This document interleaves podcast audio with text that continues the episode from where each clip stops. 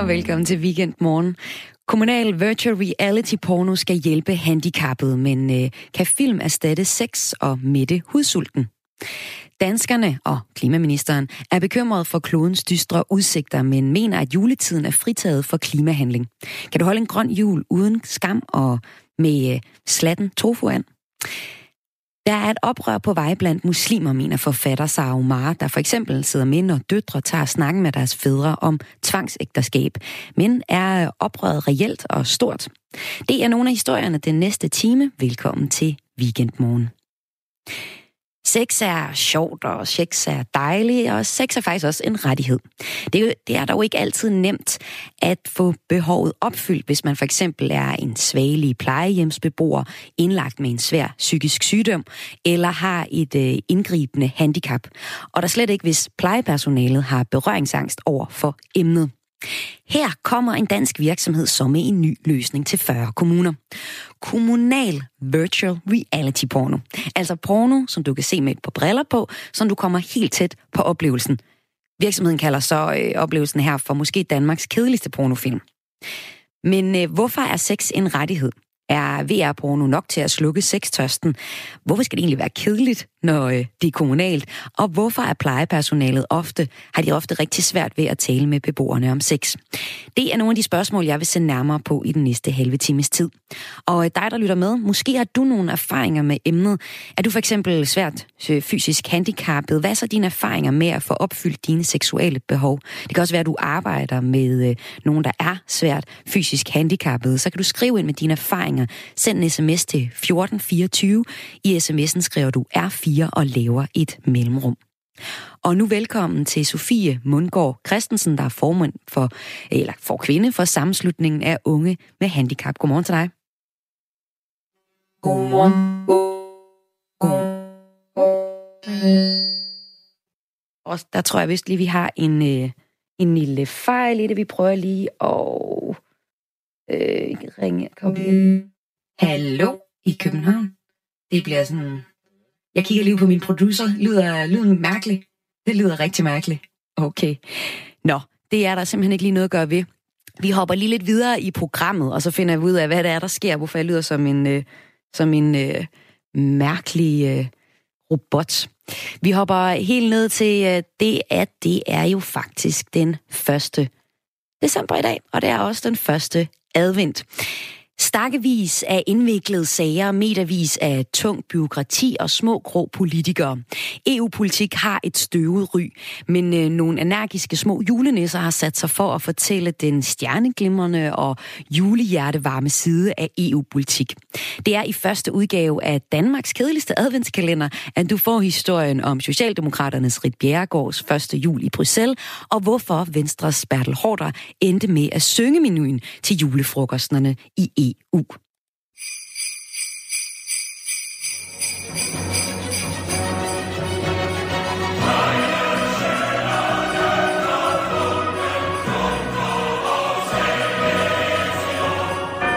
og så drak vi en, en belgisk øh, stærk øl. Og der var krybespil med får, rigtige får. Så jeg slog på koppen og bad om ikke vi kunne synge den omdelte sang. Der var jo ingen, nej, men der var menukortet. Og synet af tjenerne, da vi begyndte at synge Marseillaisen. Det, det glemmer jeg simpelthen aldrig. Unionen er stendød. Ho, ho, ho, ho. Den allerførste jul, hvor øh, jeg skulle træde til, der blev øh, Søren og jeg enige om, at øh, nu skulle vi da fejre jul i, i Bruxelles. Altså Søren, og din mand? Din mand. Det er min mand, ja. Og øh, så gik vi ned på øh, Grand Place der øh, den, øh, den 24. Og det var meget festligt. Og øh, så gjaldede jo øh, ud over øh, pladsen øh, hymnen, EU-hymnen, øh, alle lænder verden bryder. Og, øh, og vi sad sådan der og følte, at øh, nu var det starten på, at, øh, at vi blev rigtig, øh, rigtig øh, EU'er, og så drak vi en, øh, en belgisk øh, stærk øl. De har en rigtig, rigtig god øh, tradition for nogle øh, fremragende øh, øl. Og så trissede vi hjem og øh, spiste vores øh, and, som øh, man gør i Danmark. Og der var krybespil med får, rigtige får, i halm og så videre. Hele Grand Plads var simpelthen juleudsmykket. Hvad med altså, julefrokoster i parlamentet for eksempel? Er det noget, man gør sig i med sine kolleger? Ja, absolut. Vi har jo overført vores danske julefrokosttradition til, til vores partigrupper. Og øh, jeg synes, det var så fattigt, at vi ikke havde noget at synge.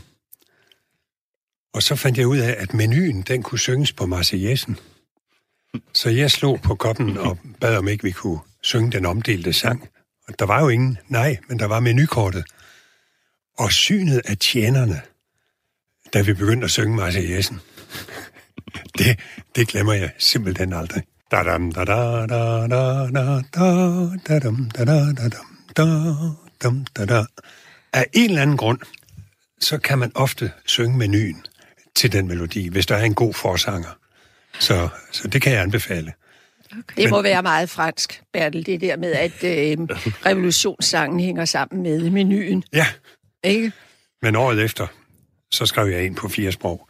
Jeg kan ganske vist ikke hollandsk, men hvis man bare har en hel masse S'er og Z'er, og, og, og, og, og det lyder hollandsk, ja. så er det jo fint. Altså det fantastiske ved Bertel Hårder, det er jo, at han har den evne, at han kan skrive øh, sange. Jeg har heldigvis også været ude for det øh, nogle gange, og der findes vel ikke et landsmøde, Bertel, uden at du har skrevet en sang. Nej, og du har været med i sangen. Ja, det har jeg også været. Det har ikke altid været smirende, men ok. altså jeg ved ikke, om det også er det samme i kommissionen, hvor du sad som miljøkommissær. Var det det samme med julefrokosttradition? Nej, det var det ikke. Der var en, øh, en sidste frokost. Vi spiste altid sammen efter et øh, kommissionsmøde hver øh, onsdag. Og så lige før jul, der var der så en øh, frokost. De gjorde så meget umage for i den buffet, der var, at øh, der så var nogle af de karakteristiske ting fra landene. Så det er klart, når det var julefrokost, øh, så var der forskellige former for sild. Øh, der var kryddersild, og der var marineret sild, og der var øh, stegte sild og sådan noget. Så på den måde kunne man øh, ligesom se øh, landenes øh, indflydelse, men der var ikke noget øh, specielt øh, juleri. Til gengæld havde vi danske parlamentarikere og vores medarbejdere, vi havde hvert år en særlig dansk julefrokost. Og, og der var det jo nemt at, at skrive sangen, ligesom, ligesom i Danmark. Og jeg kan huske Jens Ocking sidde for bordenden. og jeg tror virkelig, at han havde drukket en halv flaske snaps selv. Alligevel, så kunne han deklamere et meget langt digt.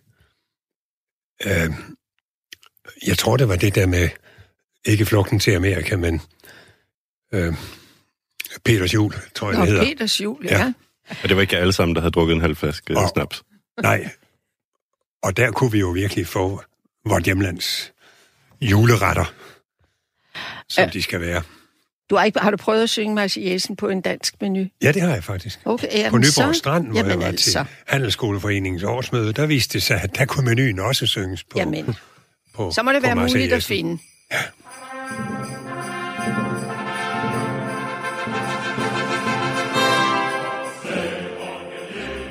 Sådan her lød det altså fra øh, Bertel Hårder og Rit Bjerregaard, som er i samtale med Mads Anneberg og Tine Toft fra vores program Lobbyland. Og lad os se, om øh, teknikken ikke er lidt bedre for os øh, nu her i øh, weekendmorgen. Sex er sjovt, sex er dejligt, og sex er faktisk også en rettighed. Det er dog ikke altid, det er nemt at få behovet opfyldt, hvis man for eksempel er en svagelig plejehjemsbeboer, er indlagt med en svær psykisk sygdom eller har et indgribende handicap. Og der slet ikke, hvis plejepersonalet har berøringsangst over for emnet. Her kommer en dansk virksomhed så med en ny løsning til kommunerne. Kommunal virtual reality porno. Altså porno, du kan se med et par briller på, så du kommer helt tæt på oplevelsen. En oplevelse, som øh, virksomheden så kan nok godt nok kalde øh, Danmarks kedeligste pornofilm. Men øh, hvorfor er sex en rettighed? Er VR-porno nok til at slukke sextørsten? Hvorfor skal det være kedeligt, når det er kommunalt? Og hvorfor har plejepersonalet ofte rigtig svært ved at tale med beboerne om sex? Det vil jeg nu se øh, nærmere på, og hvis du har nogle erfaringer med det her emne, så sms ind til mig. Det kan være, at du er svært fysisk handicappet selv, eller måske hjælper en, der er svært fysisk handicappet. Hvad er dine erfaringer med, øh, med sex? Send sms ind til 1424. I sms'en skriver du R4 og lever et mellemrum. Og øh, nu skal vi prøve at se, om vi ikke har Sofie Mungård Christensen igennem. Godmorgen. Godmorgen, Sofie. Ja, kan I høre mig nu? Ja, det kan jeg. Godmorgen. Det er Godmorgen. Sofie Munker Christensen, der er formand for sammenslutning af unge med handicap. Hvad er problemet for folk med handicap, når det kommer til sex? Men øh, problemstillingen er jo ret stor. Øh, men, men, men hvis man skal tage fat i noget, så kan det være denne her manglende øh, seksualpolitik, der er på området, øh, som du selv nævner her, med at plejepersonalet ved simpelthen ikke, hvordan de skal gribe det an. Øh, og det kan være enormt problematisk, fordi du faktisk er, når du har et, et svært fysisk handicap, øh, også når du faktisk har en kognitiv udviklingshæmning, så kan det være utrolig vanskeligt for dig at, at få udtrykt det. Øh, og du er dybt afhængig af det her plejepersonale, øh, deres noget hjertighed til ligesom at hjælpe dig. Altså, hvad kunne det for eksempel være, der er, er problemet med? Altså, der kan jo være alle mulige handicap, det er jeg med på. Men, men hvor er, er problematikken henne for den handicappede? Problematikken kan for eksempel opstå, hvis øh, Lars på 32, som måske har et øh, hoved som en femårig, øh, pludselig smider bukserne øh, og tænker, øh, jeg ved ikke, hvorfor jeg gør det egentlig. Øh, og det gør plejepersonalet heller ikke. Og så, så bliver de øh, måske øh, sure på Lars og siger, øh, kan, du, kan du pakke det væk? Øh, ser for de bukser på igen. Øh, det kunne være en af problemstillingerne, fordi at Lars ved ikke, hvad der sker, så Lars ved ikke, hvad han skal bede om. Øh, en anden problemstilling kunne være, hvis det var en med muskelsvind for eksempel, som øh, ikke har evnen til at bevæge øh, ret meget af kroppen, mm. øh, som så bare ligger i sin seng og faktisk ikke kan bevæge sig, øh, og derfor ikke kan... Øh, kan komme ud og ligesom date, ligesom øh, andre mennesker gør. Øh, og det kan jo så gøre, at man jo bundet til den her seng, og man er igen henvist til plejepersonalets nød om hjertighed i forhold til at skabe kontakt til, til en eller anden form for tilfredsstillelse. Øh, det kunne for eksempel være porno, øh, netop fordi du ikke selv har evnen til at række ud simpelthen og finde det på nettet. Ja. Ja, og ellers så en, en sexarbejder kan også være en mulighed i en rundredning, som DR har lavet tidligere på året til 20 bosteder i øh, hovedstadsområdet. Der svarer godt kun 30 bosteder, de gerne vil hjælpe beboerne med at tage kontakt til en sexarbejder. Resten vil ikke. Så, så er det også det, du hører, der er mm, altså en berøringsangst i det hele taget, ikke bare om at, at samtale om sex, men også om at hjælpe den øh, fysisk handicappede. Helt sikkert. Det er et kæmpe tabu, fordi af en eller anden grund, altså selvom det er nogle mennesker, der plejer at bade og vaske de her mennesker, mm. og i nogle tilfælde mad dem, så bliver det bare noget helt andet, når det handler om sex. Øh, men sex er jo et behov, øh, som kan sidestilles med at spise og drikke, så det er jo noget, man behøver som menneske. Ja. Ja, og FN's standardregler for lige muligheder for handicappet slår også fast, og nu citerer jeg lige, at mennesker med handicap må ikke nægtes mulighed for at opleve egen seksualitet og have seksuelle forhold. Hvorfor mener du egentlig, at øh, sex er en, en rettighed? Det er det jo, fordi at øh, man har jo som sagt ret til at spise, man har ret til at drikke, man har ret til at have et, et så normaliseret liv, som man kan få med det handicap eller den funktionsnedsættelse, man har. Og derfor så er sex selvfølgelig en kæmpe del af det. Og det handler jo ikke kun om et, øh, at få tilfredsstillet et behov. Det handler i høj grad også om nærhed med et andet menneske. Mm. Øh, og blive bekræftet på en eller anden måde. Og det har man jo, øh, om man har et handicap eller ej. Ja, vi taler jo nogle gange om det her fænomen hudsult. Øh, det er et ord, der faktisk blev optaget i den danske ordbog sidste år, og det defineres som længsel efter fysisk kontakt med andre mennesker, og det er følgende nedtrykt sindstilstand. Altså det her med at blive rørt, og måske også blive rørt i en kærlig sammenhæng. Nu har vi så øh, den her danske virksomhed, som øh, kommer med et tilbud med virtual reality porno det kan jo ikke rigtig løse, løse hudsult og den her nærhed, men, men kan du se en potentiale i virtual reality porno?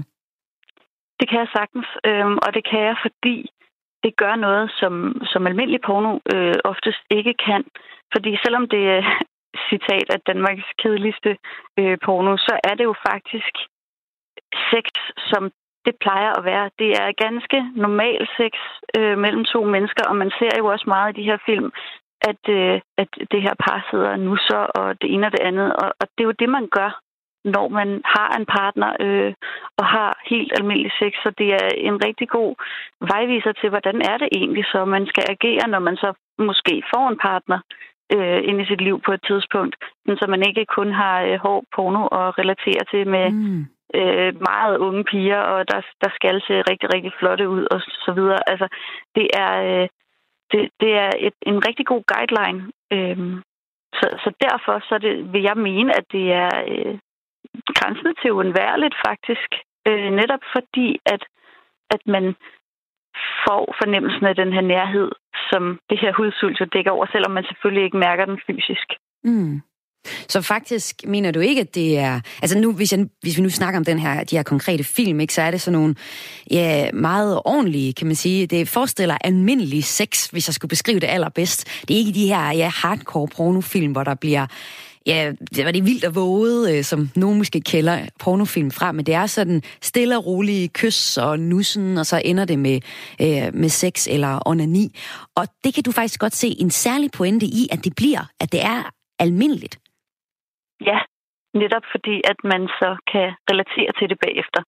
Øh, fordi normalt, når man ser en pornofilm, så ser man den jo for at slippe en eller anden fantasi løs. Ja. Hvor at, at hvis du ikke ved, hvad sex faktisk er, øh, og kun har de her pornofilm at gå ud fra, jamen, så, så er det faktisk en ret retvisende guideline. Øh, det betyder ikke, at man jo skal holde sig til det, når man så finder en partner, men det er da et godt sted at starte. Øh, det, igen, fordi det er standard sex sagde her Sofie Mundgaard Christensen, der er formand for Sammenslutningen af Unge med Handicap.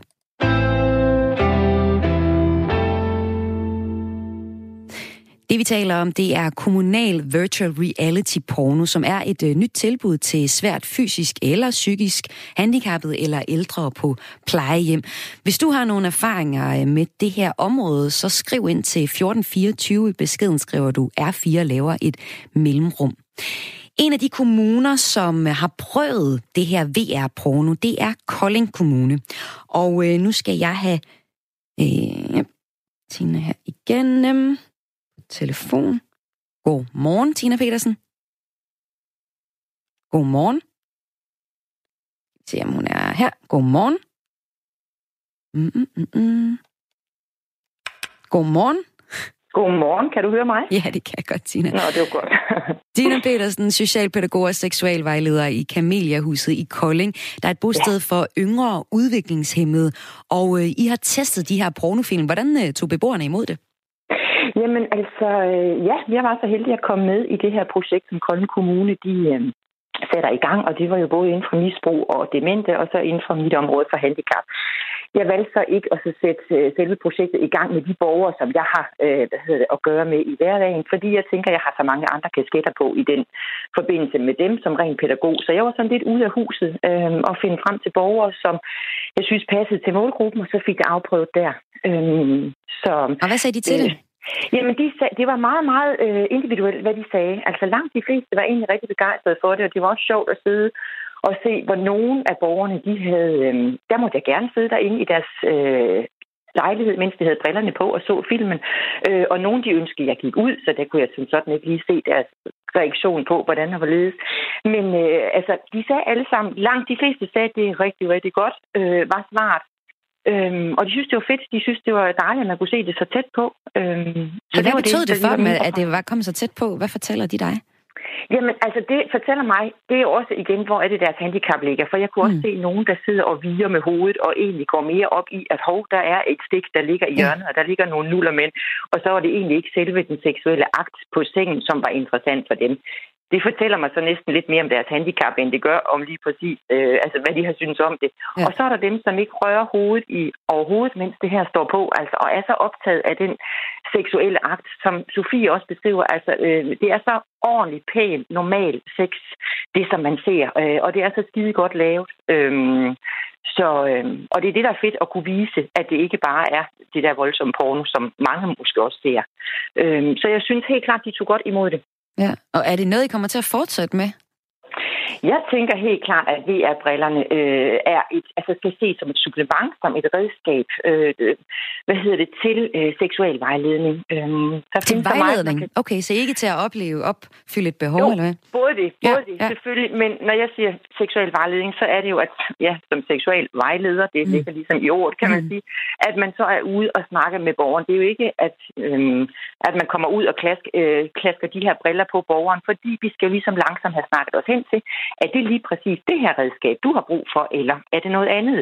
Men jo, på den lange bane, der kan jeg helt klart se et potentiale i at have dem her som et redskab til de borgere, hvor de passer ind. Kan du prøve at komme med et eksempel på en borger, der virkelig har fået stor glæde af det? Ud af de der to, øh, hvad hedder det, VR-film, som var, der var der som sagt det, øh, det her kærestepar, som mm. har et samleje, hvor man ser sex, og så var der en kvinde, hvor hun øh, stripper. Øh, hun er iført noget frækt undertøj, og hun øh, stripper, og hun onanerer på en sofa. Og der har jeg en kollega, som arbejder på et øh, bosted for senhjerneskade, hvor der var en borger, han var sådan lidt udagerende. Han kunne ikke rigtig finde ud af ja, det med seksualiteten. Lige præcis her blev det afprøvet med de her VR-briller med stor succes. Øhm, han får dem på, øh, og hun forlader rummet, og han er faktisk i stand til at onanere. Han er i stand til at gøre sig selv færdig, og så siger han lige så glad efterhånden hver eneste gang, når de har sat den her film på, nu har hun været der, siger mm. han så. Og så er han glad, han er afslappet, øh, og de kan se en ændring i hans adfærd. Så lige præcis for ham, der har det bare været spot om det her. Ja. Vi hører jo ofte om besparelser og hvordan øh, lad os sige, svage i samfundet øh, skal vælge mellem rengøring eller bad. Altså er der egentlig plads til, at en gut som ham her øh, får, får tid til at få og hjælp til at opfylde sine seksuelle behov? Øhm, altså jeg ved jo godt, at rundt omkring, der har der været nogle øh, ja, alternative omstruktureringer, hvis vi skal undgå det helt store B-ord der. Øh, og det ved jeg godt, at det er der i mange kommuner. Jeg kan kun snakke ud fra egen kommune, øh, og jeg føler stadigvæk, det bliver prioriteret. Jeg føler, det bliver prioriteret højt op i ledelsen, og helt ned til min nærmeste leder. Øh, der er fuld opbakning fra, øh, hvad jeg øh, altså for ønsker. Øh, hvad hedder det? Så lige præcis her, der tænker jeg i hvert fald i Kolding Kommune, der er vi langt hen ad vejen gode til at lade nullermændene ligge, og så prioritere de ting, der er vigtige i forhold til. Øhm, ja, så, så øhm, jeg kan se, ja, altså jeg, jeg kan være bekymret for de borgere, som ligger lidt mere i gråzonen. De borgere, som ikke er på bosteder, hvor de et selv kan bede om noget hjælp, for eksempel, eller to, de har pædagoger til at spotte at her er en adfærd, som måske kræver øh, en seksuel vejleder. Men de borgere, som bor ud i egen lejligheder, øh, der kan jeg se, der rammer nogle af de her økonomiske omstruktureringer, så de ikke har noget hjælp øh, ude i egen lejlighed. De kan opsøge det andre steder. Øh, ja, noget fælles vejledning øh, på nogle caféer rundt omkring. Men de her borgere, det er ofte dem, som som ikke får det gjort, som ikke får opsøgt hjælpen selv. Øhm, så der kan jeg godt tænke, at det, det er den der gråzoneområde, at det kan ramme. Men det kan måske også være, fordi der ikke er så meget fokus på det, fordi det er et tabu også for plejepersonale. Jeg tror, at det er meget, meget individuelt fra sted til sted. Øh, Men vi hører jo meget... for eksempel ja. Øh, her tidligere fortæller Sofie Mungård Christensen, der er formand for sammenslutningen af unge med handicap, at der er et problem, at, øh, at mange plejepersonale har svært ved at hjælpe borgere med, når det kommer til sex, altså for eksempel med at vise en porno eller en sexarbejder. Ja, og det tvivler jeg ikke på, øh, at det er der rigtig, rigtig, rigtig mange steder. Øh, der er der er, der er, ja, der er plejepersonale, der er socialpædagoger, som der slipper deres egen seksualitet og normer med øh, på bostederne, og der er, også, øh, der er også steder, hvor man siger, at her er der ikke nogen problemer, og det er der. De steder, hvor der ikke er nogen problemer, det er ofte der, hvor ja, hvor dem, der er ansat, i hvert fald ikke er gode til at spotte og ikke ønsker at tale om det her. Øhm, jeg oplever så også rigtig, rigtig mange steder øh, og i mit øh, netværk af vejledere, at der er skorspædagoger, som virkelig ønsker at arbejde med det her. Og man kan godt sige, at det kan være små skridt hen ad vejen, men det er de små skridt, som også tæller. Øhm, så jeg er udmærket godt klar over, at der er stor berøringsangst, der er stor tabu omkring det her, men jeg synes også, man skal vælge at og se på de steder, hvor det lykkes. Øh, og det synes jeg heldigvis, at det gør rigtig, rigtig mange steder. Øh, men der er lang, lang, lang vej endnu. Hvordan tror du så, at VR-porno vil kunne, kunne hjælpe sådan i kommunalt regi? Jeg tænker, jeg tænker måske, det, det ved jeg ikke, det kan, og det er ikke for at være lidt glansbilleagtigt, men jeg tænker måske, at det kan være lidt ufarligt for nogen med det mm. her VR. Det er ikke øh, vild og voldsom porno, der vælter ud af en eller anden film, eller, øh, eller en PC, eller et eller andet. Øh, det er faktisk borgeren, som ser det her øh, i VR-brillerne. Øh, og i bedste fald, så kan man jo selv se med på, øh, på hvad hedder det, iPad ved siden af. Jo. Øh, men det kan måske være lidt mere harmløst, det her. Øh, altså, at det er sådan lidt, forstå mig ret, lidt mere skjult. Lidt mere, ja. at det her, det er borgerens ting, kan man sige. At man som pædagog tænker, okay, jeg skal da heldigvis i gåsøjne kun sætte brillerne på ham eller hende, og så kan jeg forlade rummet. Jeg ved det ikke, men det kunne man da håbe. Tak for det, Tina Petersen, socialpædagog og seksualvejleder i Camelia-huset i Kolding. Selv tak. Her er nyhederne på Radio 4 danske ghettoer bor der primært ikke-vestlige, arbejdsløse, kriminelle, underuddannede og fattige i forhold til andre. I dag bliver det offentliggjort, hvor mange af landets almene boligområder, der skal stå på regeringens ghetto-liste de næste 12 måneder. Men en undersøgelse fra organisationen Danmarks Almene Boliger viser, at der ikke skal ændres meget ved definitionerne, før flere af de nuværende ghettoer ryger af listen igen. Det skriver politikken søndag. For eksempel ville tre almene almene boligområder i København komme af med ghettostemplet, hvis beboernes relative fattigdom kun blev sammenlignet med andre københavneres indtægter, og ikke ligesom nu også sættes, sættes i forhold til, hvad de mere velhavende nordsjællændere tjener. For at komme på ghettolisten skal kriteriet for manglende etnisk blanding være opfyldt sammen med to af de øvrige fire kriterier. Et af dem er, at beboernes gennemsnitlige bruttoindkomst skal være mindre end 55 procent af den, der gælder i hele regionen regionen, men en region er et meget stort sammensat område at sammenligne med, påpeger Danmarks almene boliger. I Region Hovedstaden varierer den gennemsnitlige bruttoindkomst eksempelvis fra 327.000 kroner i Ishøj til 718.000 kroner i Gentofte Kommune. Hvis bebyggelserne kun blev sammenlignet med indtægterne i den statistiske landsdel, de ligger i, som er et mindre område, ville 5 ud af 11 boligområder ikke længere opfylde You. Usman Khan, der i går eftermiddag dræbte to mennesker i London, havde forsøgt at få hjælp fra de britiske myndigheder til at blive afradikaliseret. Det siger hans advokat i hvert fald til avisen The Guardian. Advokaten fortæller til avisen, at Usman Khan begyndte at indse, at hans islamiske tænkning ikke var korrekt, mens han sad i fængsel. Den 28-årige Usman Khan var løsladt med fodlænke, da han begik fredagens knivangreb i det centrale London. Indtil for et par år siden sad han fængslet for at have været med til at planlægge et islamisk motiveret terrorangreb mod børsen i London. Han skulle også have lagt planer om at etablere en terroristtræningslejr i Pakistan, men under sin seks år lange fængsling tog han afstand fra den islamistiske ekstremisme. Usman Khan blev dræbt af politiet under angrebet fredag, og hændelsen efterforskes som et terrorangreb. En lækket beskedkorrespondence mellem Bernjo Færhagen og en ekskæreste tyder på, at Færhagen er mere fupmager, end han er fodboldspiller. Bernjo Færhagen bad nemlig sin ekskæreste om at hjælpe med at forfalske en underskrift fra en kinesisk fodboldklub. BT er i besiddelse af korrespondancen, hvor Færhagen tydeligt opfordrer sin ekskæreste til at hjælpe med at forfalske en underskrift, og dermed udgive sig for at være en repræsentant fra en kinesisk fodboldklub, som i et falsk dokument giver udtryk for, at klubben vil købe Færhagen. Dokumentet med den kinesiske klubs underskrift er vigtig, fordi det har været med til at signalere over for Viborg FF, at den danske første divisionsklub hurtigt kunne sælge Færhagen videre til den kinesiske klub og få en million gevinst ud af det. Tidligere har Færhagen nægtet, at han havde kendt til dokumentfalskneriet, men korrespondancen med ekskæresten tyder altså på det modsatte. Viborg indgik en kontrakt med 25-årige Færhagen uden at have set ham i aktion, men udelukkende på baggrund af anbefalinger fra et agentnetværk, som Viborg gerne ville have et godt forhold til. Det viste sig at være en falsk agent, som stod for kontakten med Viborg.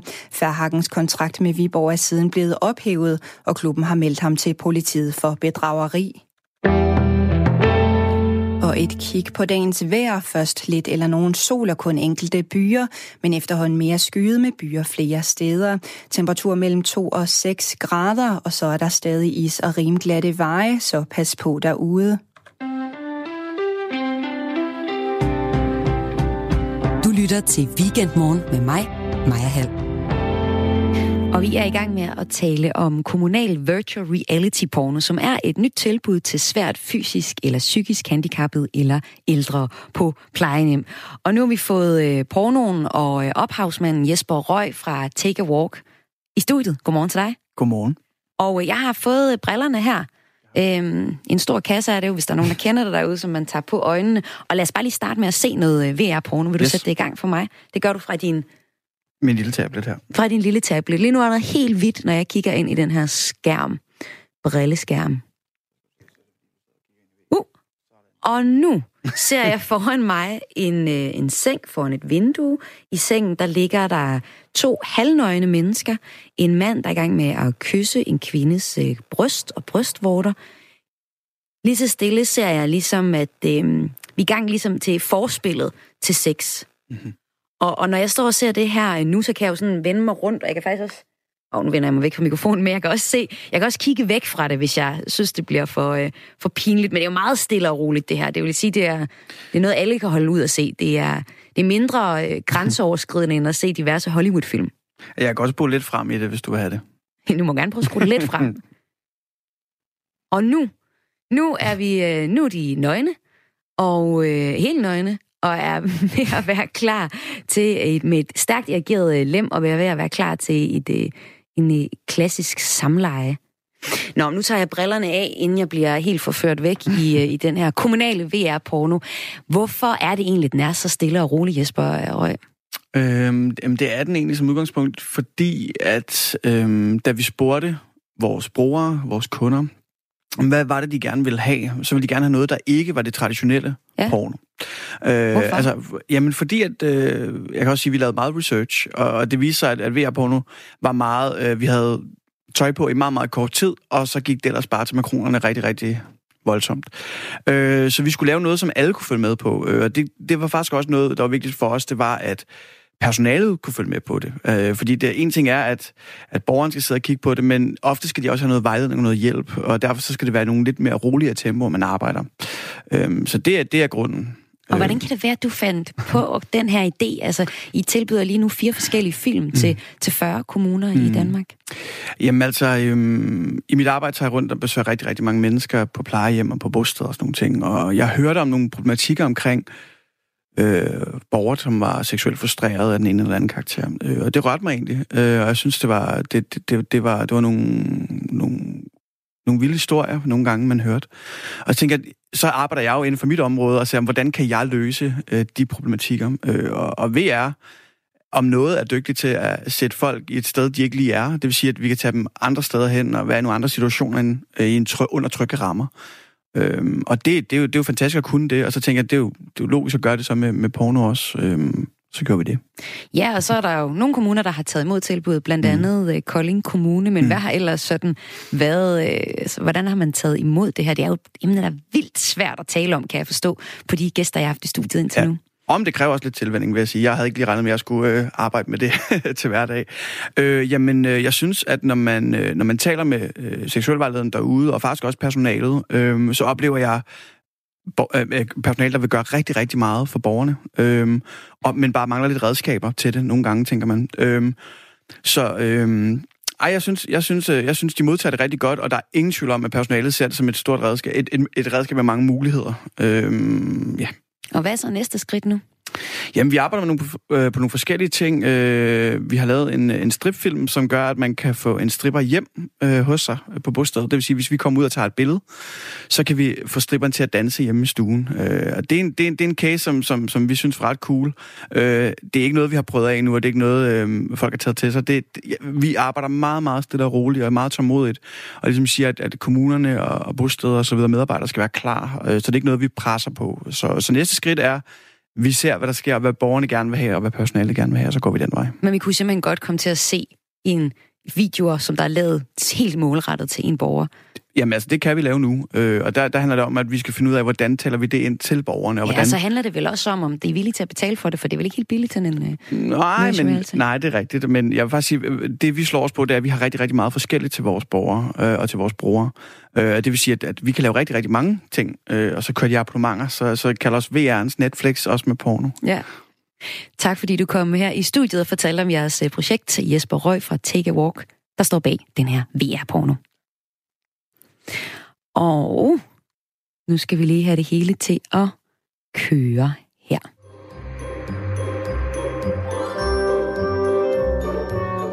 Det var den 1. december ligesom det er i dag.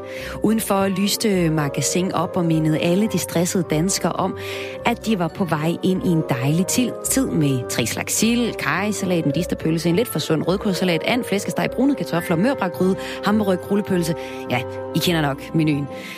Indenfor på radiokanalen, ja Radio 4, lå en gammel udgave af Politikken opslået på en artikel med klima-, energi- og forsyningsminister Dan Jørgensen.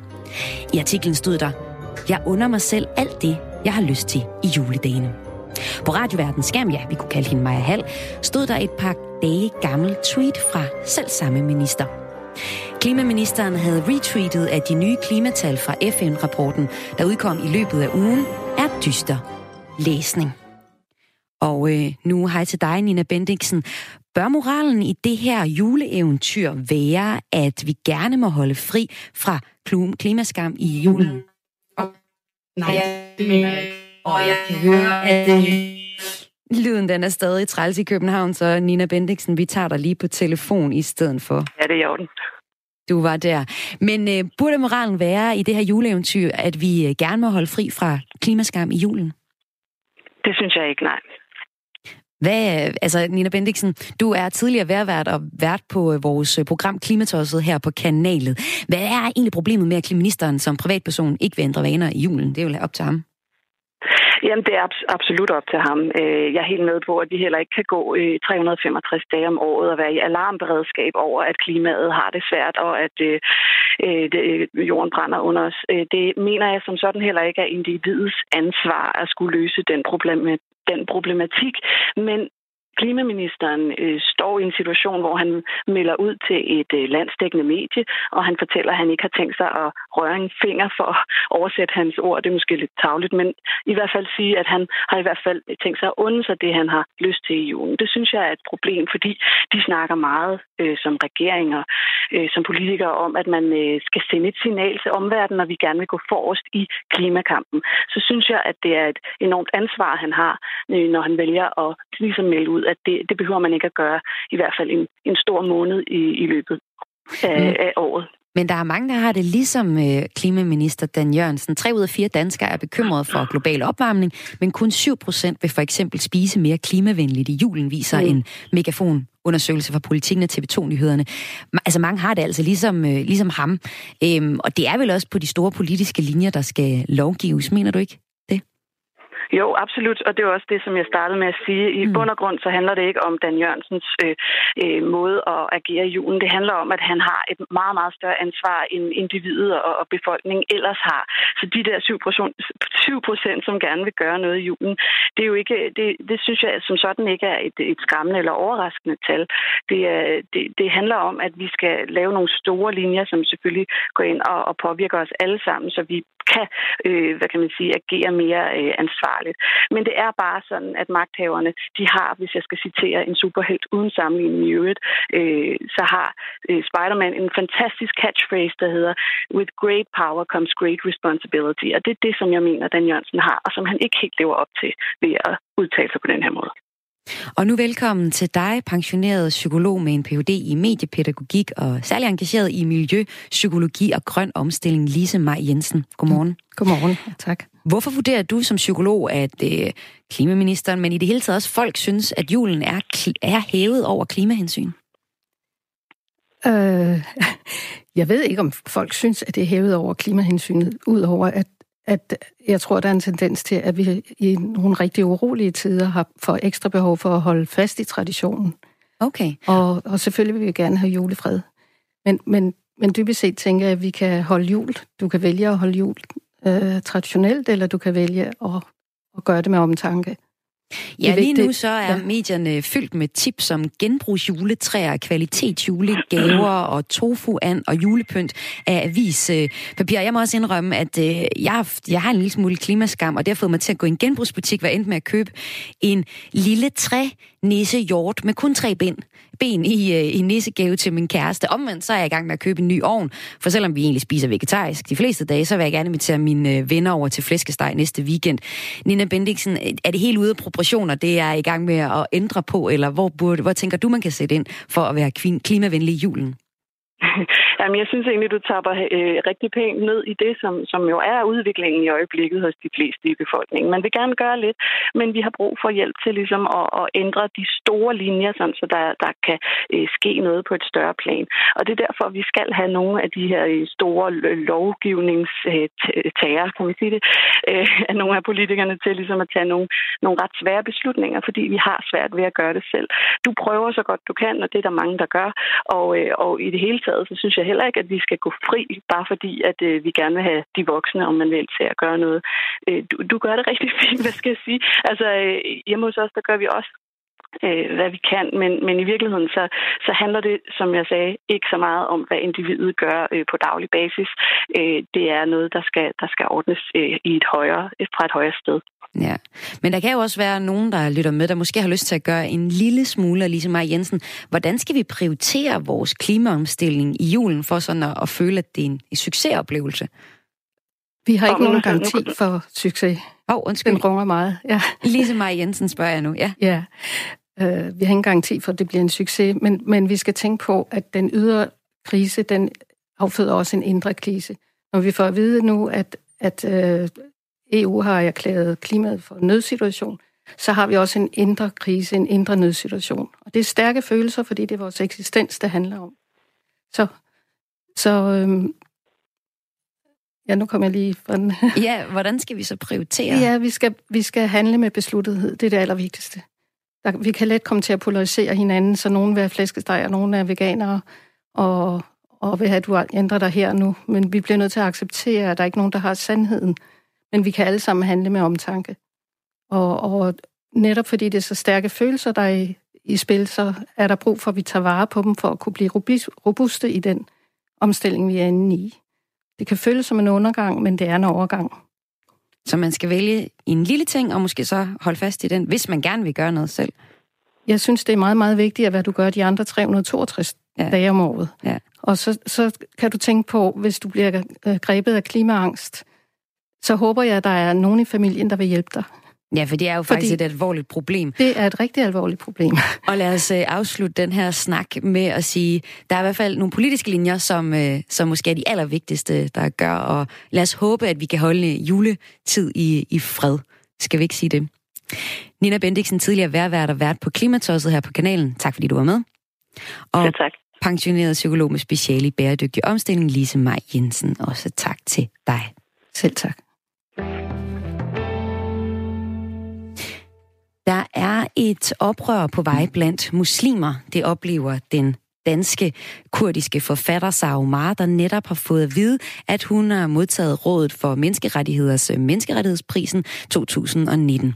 Det her oprør, det øh, ser hun både i Mellemøsten, men også i Danmark, fortæller hun.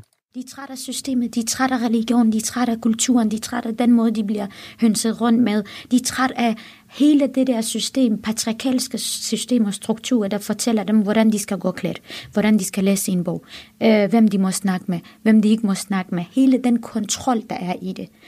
Og her har vi de unge, som siger fra, og i mange tilfælde, så har vi deres forældre bag deres ryg sagde her forfatter Sara Omar.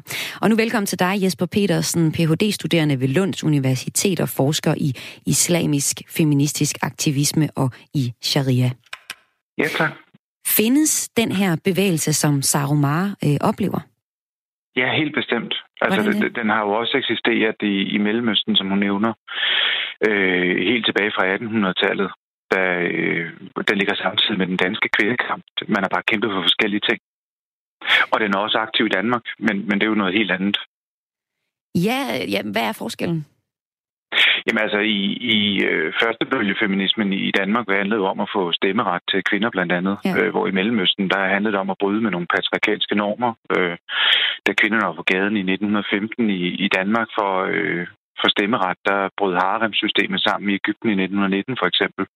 Så på den måde den orienteret mod forskellige ting, og så kæmpede man for at komme af med, med kolonistyret øh, Storbritannien.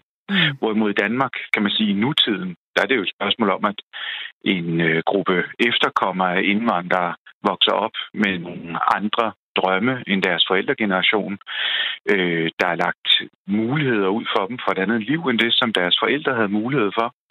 Og det gør jo, at de begynder at drømme om nogle ting, der er anderledes end de ting, som deres egne forældre drømte om, dengang da de voksede op.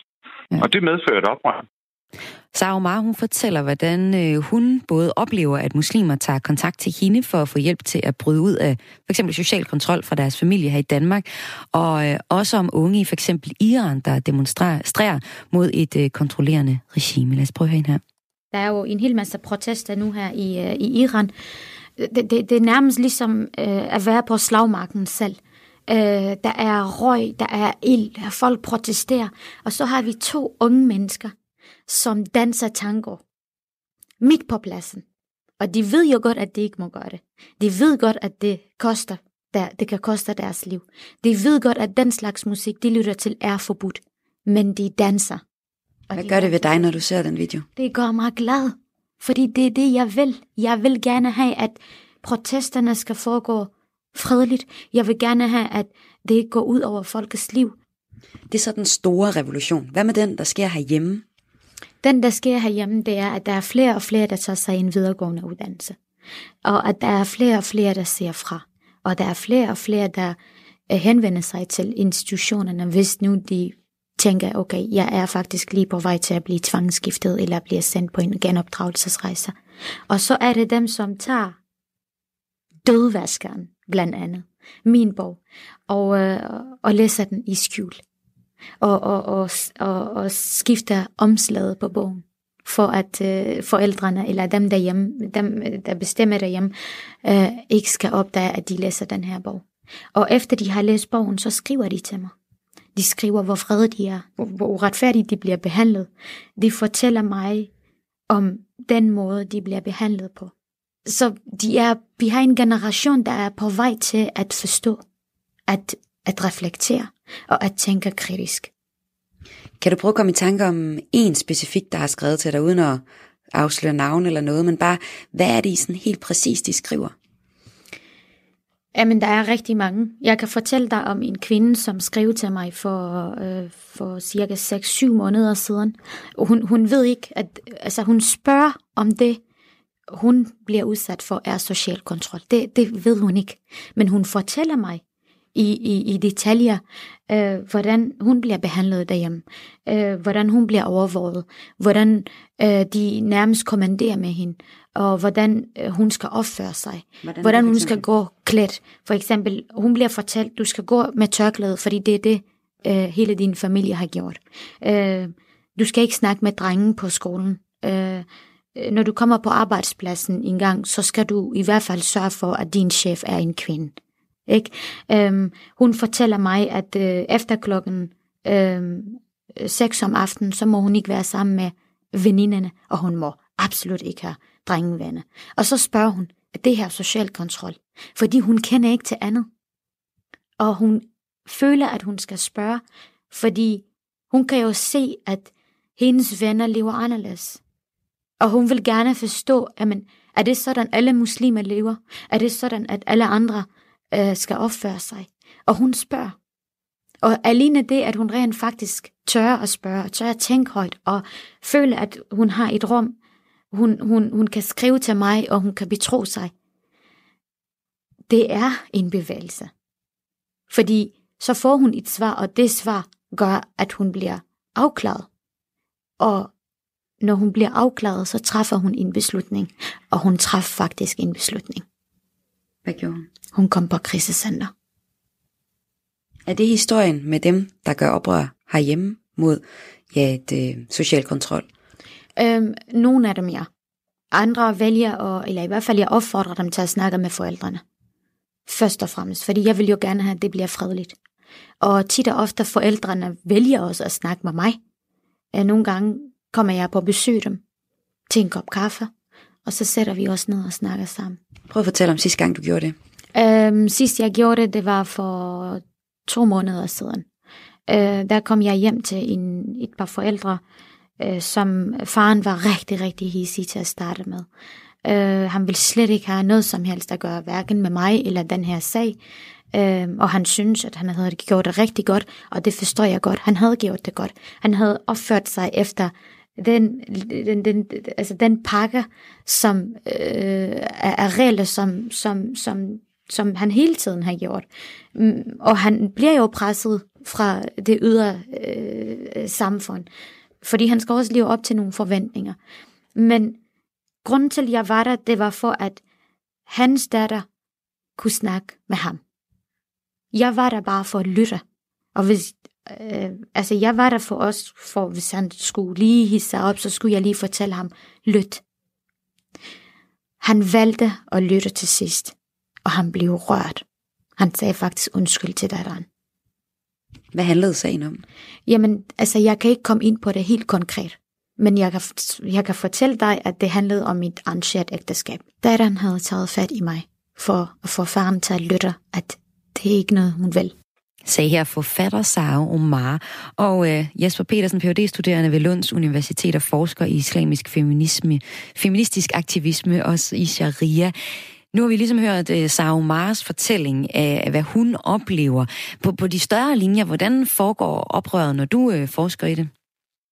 Det foregår ved, at, at kvinderne styrker hinanden. Så øh, hvis vi tager udgangspunkt i det islamiske, så øh, formulerer kvinder på baggrund af religiøse tekster, eksempelvis Koranen og fortællinger om Mohammed, øh, kravet om, jeg må selv vælge min ægtefælle. Det er et islamisk ret, jeg har. Og så mobiliserer man på den måde islam i kampen imod den undertrykkelse, man oplever.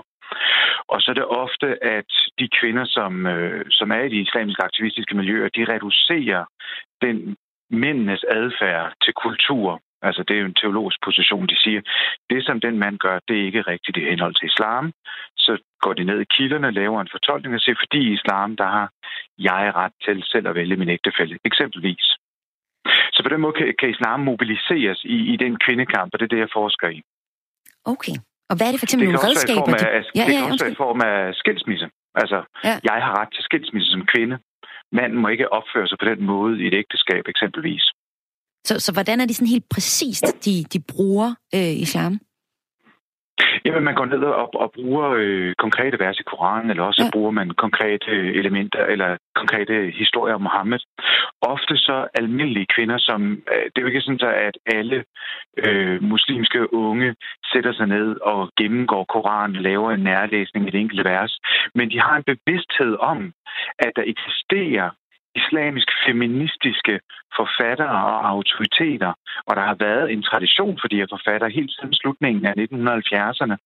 Og på baggrund af dem, så ved de, at der er sådan nogle almen gældende principper, som de i hvert fald mener gælder, nemlig at de har ret til at vælge egen ægtefælde, de har ret til skilsmisse, de har ret til ligeværdige forhold, de har ret til osv. osv.